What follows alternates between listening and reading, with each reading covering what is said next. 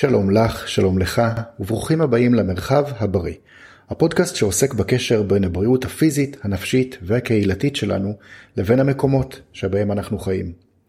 הפרק היום הוא פרק מיוחד, אשר מוקלט בצל האירועים הקשים שחווה מדינת ישראל לנוכח אירועי השביעי באוקטובר 23. בראשית הדברים אני מבקש למסור תנחומים למאות המשפחות שאיבדו את היקר להם מכל.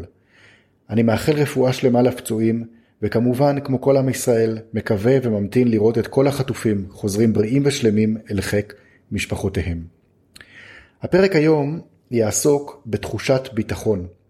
עד היום שוחחנו על עשרת הדיברות של המרחב הבריא, והיום אני מוסיף אה, לעצמי רשמית את הדיבר ה-11, דיבר שנקרא תחושת ביטחון, תחושת ביטחון במרחב, בבית, במקומות שבהם אנחנו נמצאים.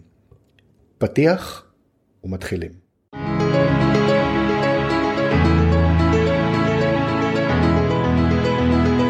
הבריאות שלכם מושפעת מהמקומות בהם אתם נמצאים.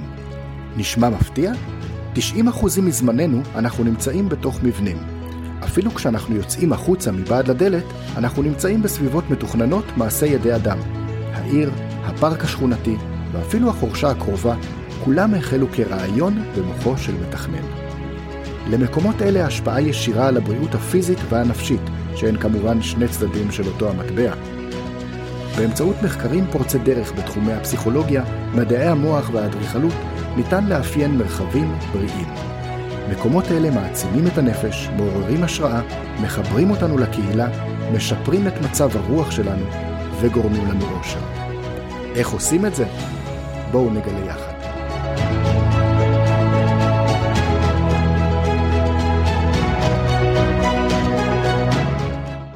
עד היום בפודקאסט שוחחנו על אה, עשרת הדיברות של המרחב הבריא. הזכרנו ביניהם אור, אוויר, תנועה, מים, קול, חומרים, נוחות טרמית, תזונה, תודעה וקהילה. זו למעשה שיטת דירוג שמאפשרת לנו לדרג מבנים, מרחבים, שבהם אנחנו נמצאים כבריאים יותר ממקומות אחרים. היום אה, אני מוסיף רשמית את הדיבר ה-11 של המרחב הבריא, והוא תחושת הביטחון. אה, הצורך בתחושת ביטחון מורגש ביתר שאת לנוכח האסון האחרון, אבל למעשה פגשתי בו לא מעט גם בעבר. לא פעם, כאשר אה, תכננתי חללים, מרחבים, בתים עבור יזמים ולקוחות, שאלו אותי לגבי תחושת הביטחון בחלל, ואני אתן כמה דוגמאות. אחד הדברים הנפוצים שאנשים מדברים עליהם בבניית הבית הוא תחושת הביטחון בתוך הבית שלהם, וזה בא לידי ביטוי למשל בהוספת תריסי גלילה חשמליים. על אף שתריסי הגלילה החשמליים לא באמת סוגרים באופן הרמטי את הבית, וגנב בכלים פשוטים יחסית יכול לפרק אותם ולהיכנס פנימה לתוך הבית, הרבה פעמים התריסים נותנים איזושהי תחושה של ביטחון לאנשים, וכאשר הבית סגור ומסוגר מכל הכיוונים, לאנשים יש תחושה שאו שהגנב יימנע מלהיכנס פנימה לתוך הבית, או שפשוט יעבור לבית של השכן. דבר נוסף שנותן לנו תחושת ביטחון זה אה, חלונות או חלון שפונה אל כיוון החצר ומונע מאדם להיכנס פנימה לתוך הבית בהפתעה. הרבה פעמים למשל אם המטבח נמצא בכיוון הכניסה, אנשים רוצים שיהיה חלון גדול למטבח, שכאשר מישהו שיתקרב לתוך הבית, יתקרב על דלת הבית, יהיה ניתן בקלות לראות ולזהות אותו מבחוץ. כמובן, אה, התקנה של חומות גבוהות, שערים גדולים חיצוניים, זה הרבה פעמים שיח כאשר אנחנו מתכננים בתים, כשאנשים רוצים את התחושה גם של מוגנות וגם של פרטיות בתוך המרחב שלהם. לתוך זה אפשר להוסיף כמובן את האמצעים הטכנולוגיים, כמו למשל אזעקות, מצלמות, בית חכם, אה, היכולת שלנו לנטר את הבית גם כשאנחנו נמצאים בתוכו וגם כשאנחנו נמצאים במרחק באמצעות אפליקציות, שליטה מרחוק וכיוצא בזה. אה, וכמובן גם את הדברים הפשוטים והפרימיטיביים ביותר, כמו למשל אה, החזקה של כלב. אה, שמירה בתוך הבית. אז התחושה הזאת של תחושת ביטחון עולה הרבה פעמים בשיח בין לקוחות שמתכננים עבורם את הבתים, אבל למעשה קשורה למנגנונים, מנגנוני הישרדות בסיסיים ביותר שלנו. אה, ובתוך מנגנוני ההישרדות הבסיסיים אני רוצה להזכיר תופעה מעניינת, תופעה מתחום הביולוגיה, שנקראת טיגמוטקסיס. טיגמוטקסיס היא תופעה שבעצם משותפת לכל היצורים החיים. מדענים הצליחו להוכיח שהיא משותפת גם למיקרואורגניזמים, חיידקים ויצורים מיקרוסקופיים, וגם ליונקים ולבני אדם. מהי בעצם התופעה הזאת? אז התופעה הזאת אומרת שיצורים חיים אוהבים להיצמד לדפנות. יצורים חיים אוהבים מגע, אוהבים להיות עטופים ומפחדים מחלל פתוח, מפחדים מלהיות פתוחים בתוך איזשהו חלל שאין בו מחיצות, קירות או משהו שאנחנו יכולים להיצמד אליו. אה, הרבה מאוד ניסויים בעכברים הראו שכשיש אה, איזשהו מבוך עם חלקים פתוחים, העכברים לא אה, נמשכים לחלקים הפתוחים, אלא תמיד נצמדים לקצוות. אם תחשבו על עצמכם, כשאתם נכנסים למקום חדש, לדוגמה, נכנסים לבית קפה או למסעדה לא מוכרת, ברוב המקרים, רוב האנשים יבחרו לשבת בצמוד לקיר או למחיצה, ולא באופן פתוח בחלל החופשי. אז התופעה הזאת היא תופעה שהיא אה, חובקת את כל היצורים הביולוגיים וגם אותנו כבני אדם, ואפשר לקשר אותה גם לתופעת עיטוף התינוקות. אתם יודעים שההמלצה לתינוקות עד גיל שלושה ארבעה חודשים היא לעטוף אותם במעין אה, בד, במעין חיתול, במעין צמיחה, שנותנת להם תחושה שקצת מדמה את התחושה של הרחם. כלומר, עיטוף מלא שנותן להם אה, בעצם להרגיש מגע אה, מכל, מכל הכיוונים, ובאמצעות תחושת המגע הזאת ניתן להרגיע אותם ולתת להם אפשרות לישון שינה ערבה יותר. הדבר הזה רלוונטי גם למבוגרים, שמיכת כובד, שמיכת משקל, שהרבה פעמים משמשת כדי להרגיע אנשים מבוגרים שקשה להם להירדם, נותנת להם איזושהי תחושה של חיבוק, איזושהי תחושה של עיטוף, שמקנה להם תחושת ביטחון. אז טיגמוטקסיס זאת אה, תופעה אחת שקשורה לתחושת הביטחון שלנו בתוך חלל, בתוך מרחב. כשאנחנו מתכננים חללים ומרחבים, תמיד צריך לזכור שאנשים אוהבים להיות אה, עם, עם הגב לקיר, מה שנקרא, אבל במובן החיובי של המילה, צמודים לאיזשהו חלל שעוטף אותם ומגן עליהם. אפשר לחשוב על זה גם כאיזשהו רצון להימנע מהפתעה מאחור. כאשר אני צמוד לקיר או לאיזושהי מחיצה, לא יכולים להפתיע אותי מאחור, איזושהי תחושה הישרדותית אה, בסיסית, והדבר הזה כאמור רלוונטי לכל בעלי החיים. דבר נוסף שנותן לנו תחושת ביטחון במרחב, זו תצפית בשליטה על המרחב. כאן אפשר להזכיר את אה, ג'רמי בנטהאם, שהוא איש המאה ה-18 מבריטניה, שהוא הציע איזשהו חלל אדריכלי תיאורטי שבו יש שליטה ובקרה על כל מי שנמצא בתוך המרחב הזה. החלל שהוא הציע הוא למעשה מעין מרחב עגול, שיש חצר מוקפת בחומה או מוקפת במבנים, ובמרכז החצר יש מגדל גבוה ואפשרות לצפות על כולם.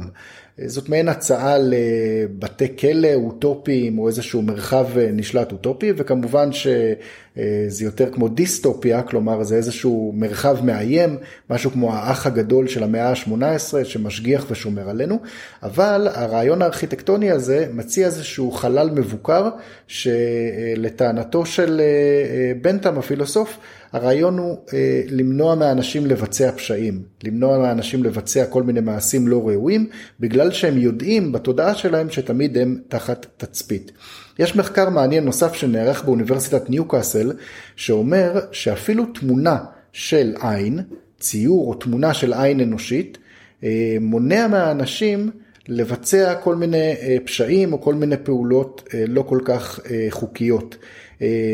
אחד המחקרים, בוצעו הרבה מאוד מחקרים בנושא הזה, אחד המחקרים שבוצעו במחלקה לפסיכולוגיה, למעשה תלו שלטים במסעדה, כשהטקסט שעל השלט הוא נא להוריד את המגש בסיום הארוחה. אנשים סיימו לאכול וביקשו מהם להוריד את המגשים ולפנות אותם לפח הקרוב, אבל היו שני סוגים של שלטים, שלט אחד שהיו בו תמונות של עיניים, ובשלט השני היו תמונות של פרחים. אז הטקסט הוא אותו הטקסט אבל התמונה היא שונה והסתבר שבלמעלה מ-50 אחוזים אנשים כשנחשפים לשלט עם העין אכן מורידים את המגש שלהם בסיום הארוחה. והטקסט עם הפרחים כמעט ולא הייתה לו איזושהי השפעה, המחקר הזה נעשה שוב ושוב בכל מיני וריאציות. וגילו שבאמת עצם התמונה של עין יכולה לתת לנו איזושהי תחושה שאנחנו נצפים ולהתנהג בצורה יותר חברתית, יותר סוציאלית, אה, יותר אה, נאותה. אה, אז אנחנו מדברים על התחושה שלנו לתצפת ולשלוט על המרחב בהחלט באה לידי ביטוי בהחלטות אדריכליות שאנחנו עושים בתכנון מבנים ומקומות. זה מתחיל מהדבר הפשוט ביותר, שבו כשאנחנו מתכננים חדר מגורים, כדאי להציב את המיטה כך שהראש הוא בתצפית על הדלת. כלומר, לא נציב את המיטה באופן כזה שלמי שישן בתוך החדר תהיה תחושה שניתן להיכנס ולהתגנב מאחוריו בלי שהוא יראה את זה. כלומר, שכרית המיטה, הראש של המיטה, יהיה מופנה באלכסון או באיזושהי זווית צפייה נוחה לכיוון של הדלת, על מנת לתת תחושת ביטחון גם במהלך השינה. אה, אנחנו רואים במשרדים שבהם אנחנו רוצים לתת לאנשים תחושת התמצאות טובה ותחושה של שליטה על הכניסה למשרד, כך שאף אחד לא יוכל להיכנס מבלי שיעבור איזשהו מנגנון של בקרה. אה, כמובן שאם יש בכניסה למשרדים בקרה אה, נצפית יותר, כמו למשל אה, מגנומטרים, איזשהו מאבטח בכניסה, מצלמות, אז אנחנו נשאיר אותם חשופים ונצפים באזור של הכניסה, וככל שנעמיק פנימה לתוך המשרדים, אנחנו נצניע את אותם אמצעי בקרה, בין אם אלה אמצעים אנושיים או טכנולוגיים, נשלב אותם בתוך העיצוב בצורה יותר אסתטית. אבל התחושה היא שהמקום הזה הוא מקום מאובטח ומקום מוגן מהרגע שנכנסנו אליו. בבתי ספר יש חשיבות מאוד גבוהה לתת למורים תצפית רחבה על המקומות שבהם נמצאים התלמידים, פחות מקומות שבהם תלמידים יכולים להסתתר, להתחבא ולהיות אה, מחוץ לעיניהם של המורים, ככה מורה יש לו תחושה טובה יותר שהוא יכול לראות מה התלמידים עושים, היכן הם נמצאים. אה, וזה אה, חשוב גם בבתי חולים, שבהם אנחנו רוצים לתת אה, שליטה ובקרה יחסית טובה, גם אם זה שוב באמצעות עמדת האחיות או באמצעים טכנולוגיים אחרים, על המעשים ועל המצב של המטופלים בבית החולים. תחושת הביטחון שלנו בתוך הבית בהחלט נגזרת גם משיטת הבנייה. אנחנו אומרים ביתי ומבצרי. אבל אה, באירועים הביטחוניים בישראל, הרבה פעמים גם בתוך הבית, אנחנו עשויים חלילה להיות חשופים לאירועים ביטחוניים כאלה ואחרים. אה, ואני רוצה בהקשר הזה אה, להזמין ולשוחח עם אילן ליאור, שהוא יזם וממציא שיטת בנייה שנקראת GSB, המבוססת על ליבת בטון, שיטה שעשויה לתת תחושת ביטחון לאנשים שגרים בתוכה. נמצא איתנו כרגע על הקו אילן ליאור, יזם ובעל ניסיון רב שנים בבנייה.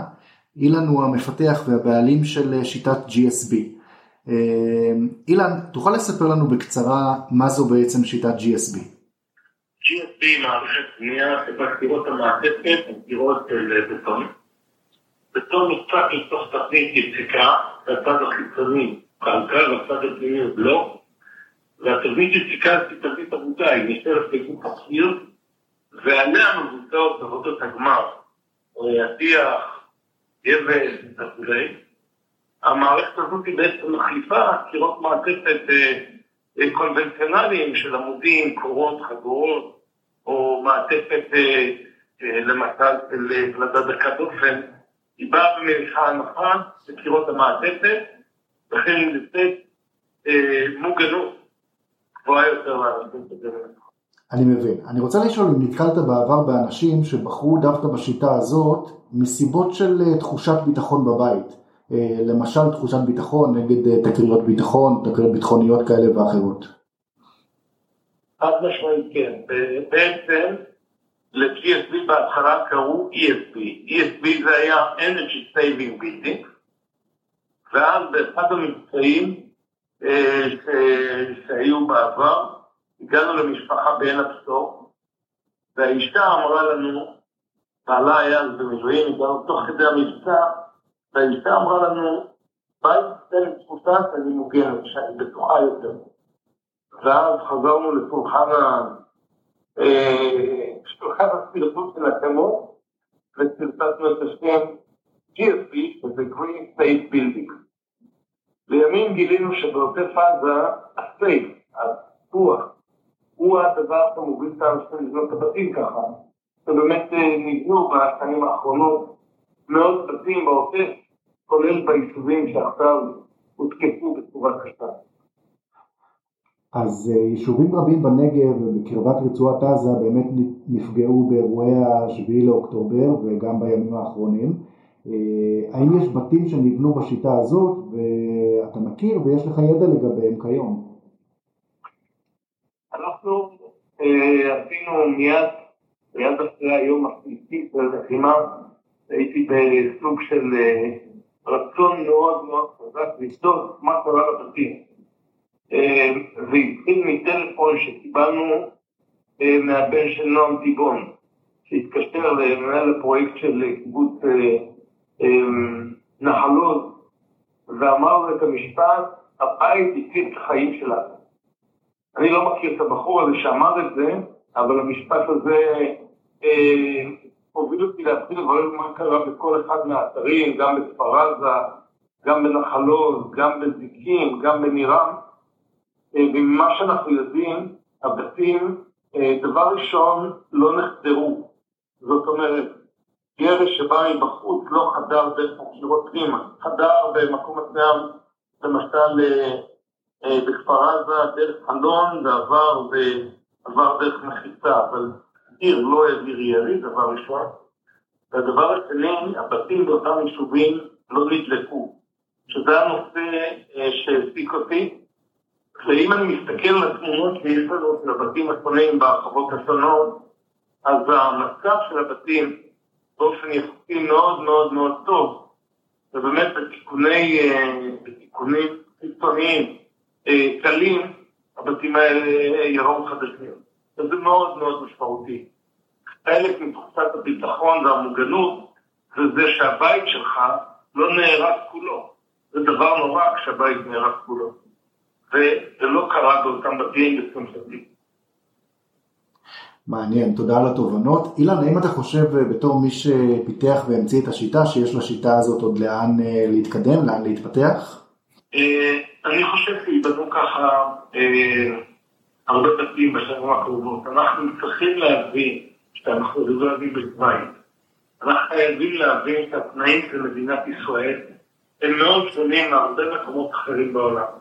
ושהבתים צריכים לתת מוגנות אמיתית וטובה יותר, מעבר לממ"ד שחייב להיות בכל הבתים ושחייבים להיכנס אליו אה, בהתראה בכל מקרה, אבל הבתים, מעטפת הבית, גם הגג, צריכים לתת מוגנות גבוהה לאנשים שגרים בתוך הבית.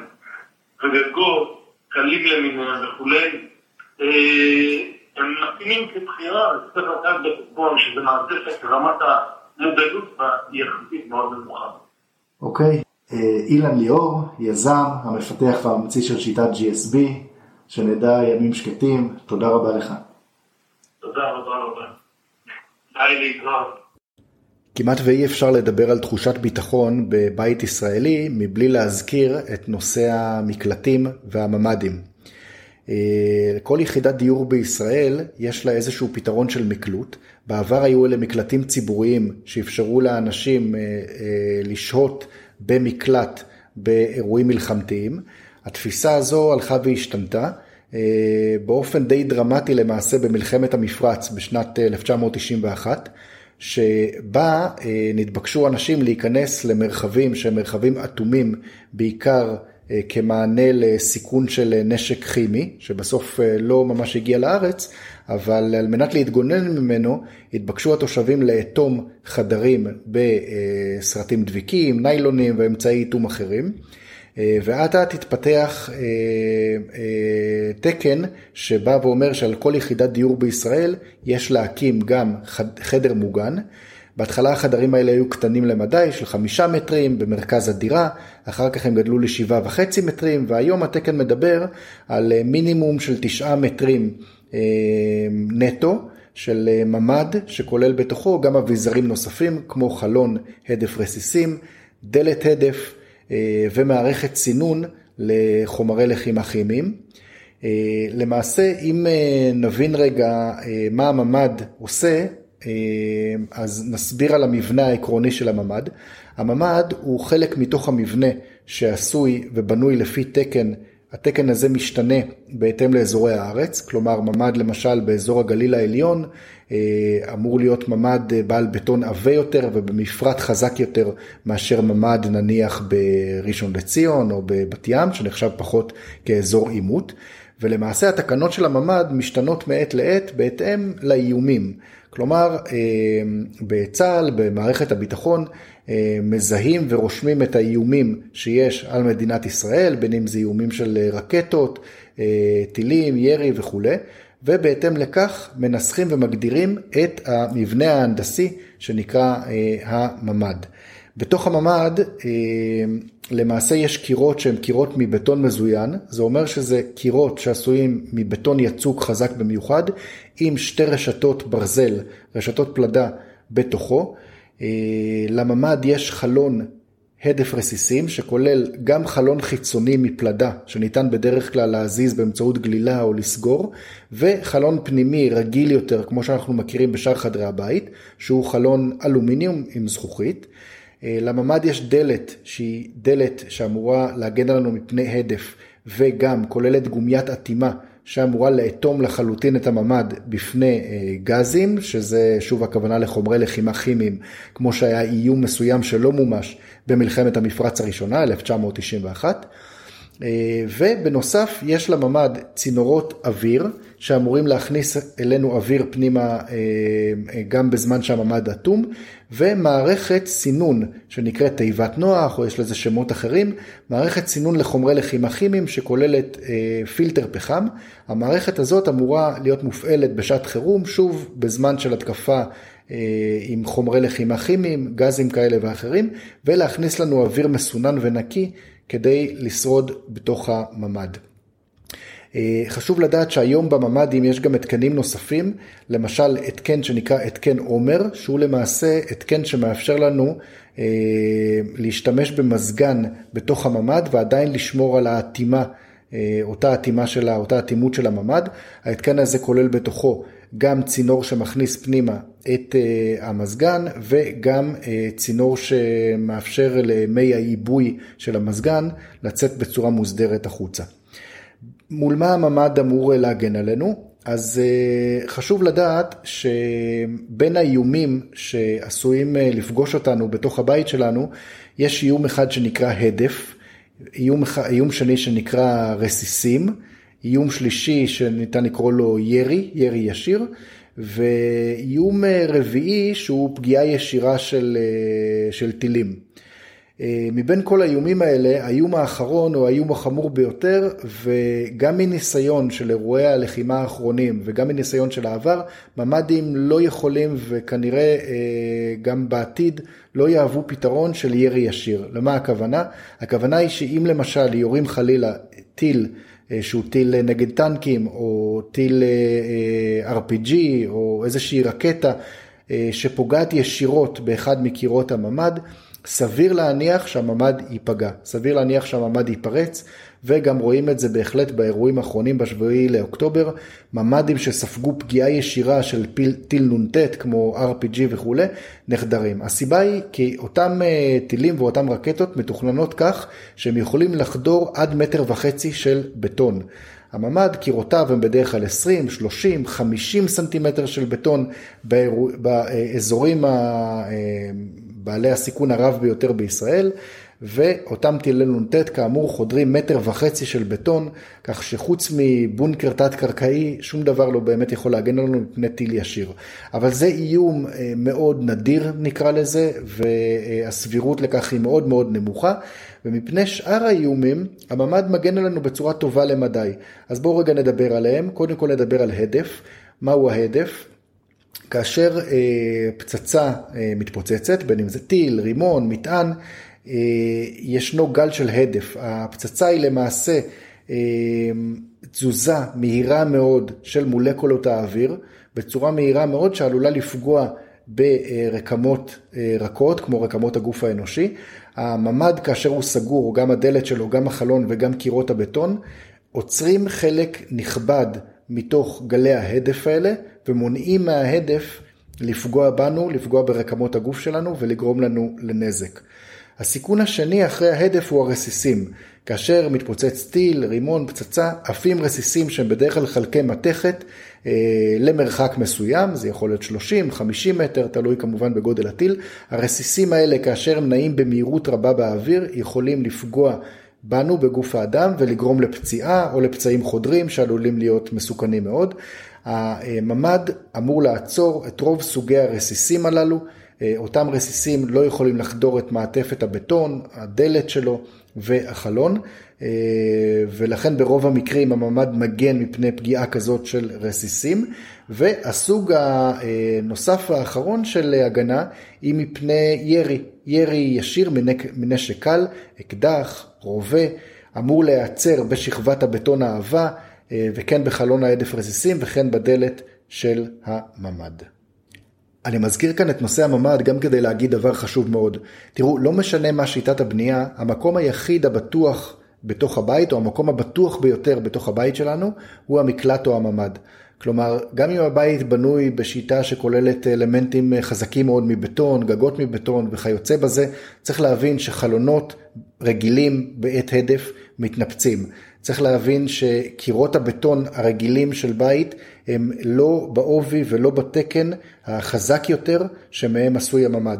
ולכן בכל מקרה ובכל שיטת בנייה, המקום הנכון להיות בו בזמן שיש התראה, אזעקה או כל הוראה אחרת של פיקוד העורף, היא להיות בתוך הממ"ד, בתוך החדר המוגן, בתוך המרחב המוגן או בתוך מקלט, הכל בהתאם למה שיש לנו בתוך הבית.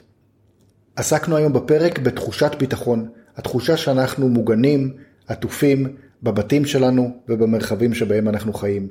בהזדמנות זו אני רוצה לאחל לכולנו מכאן אה, ימים של אה, שקט, של ביטחון ושל אה, מרחבים בריאים. נתראה בקרוב.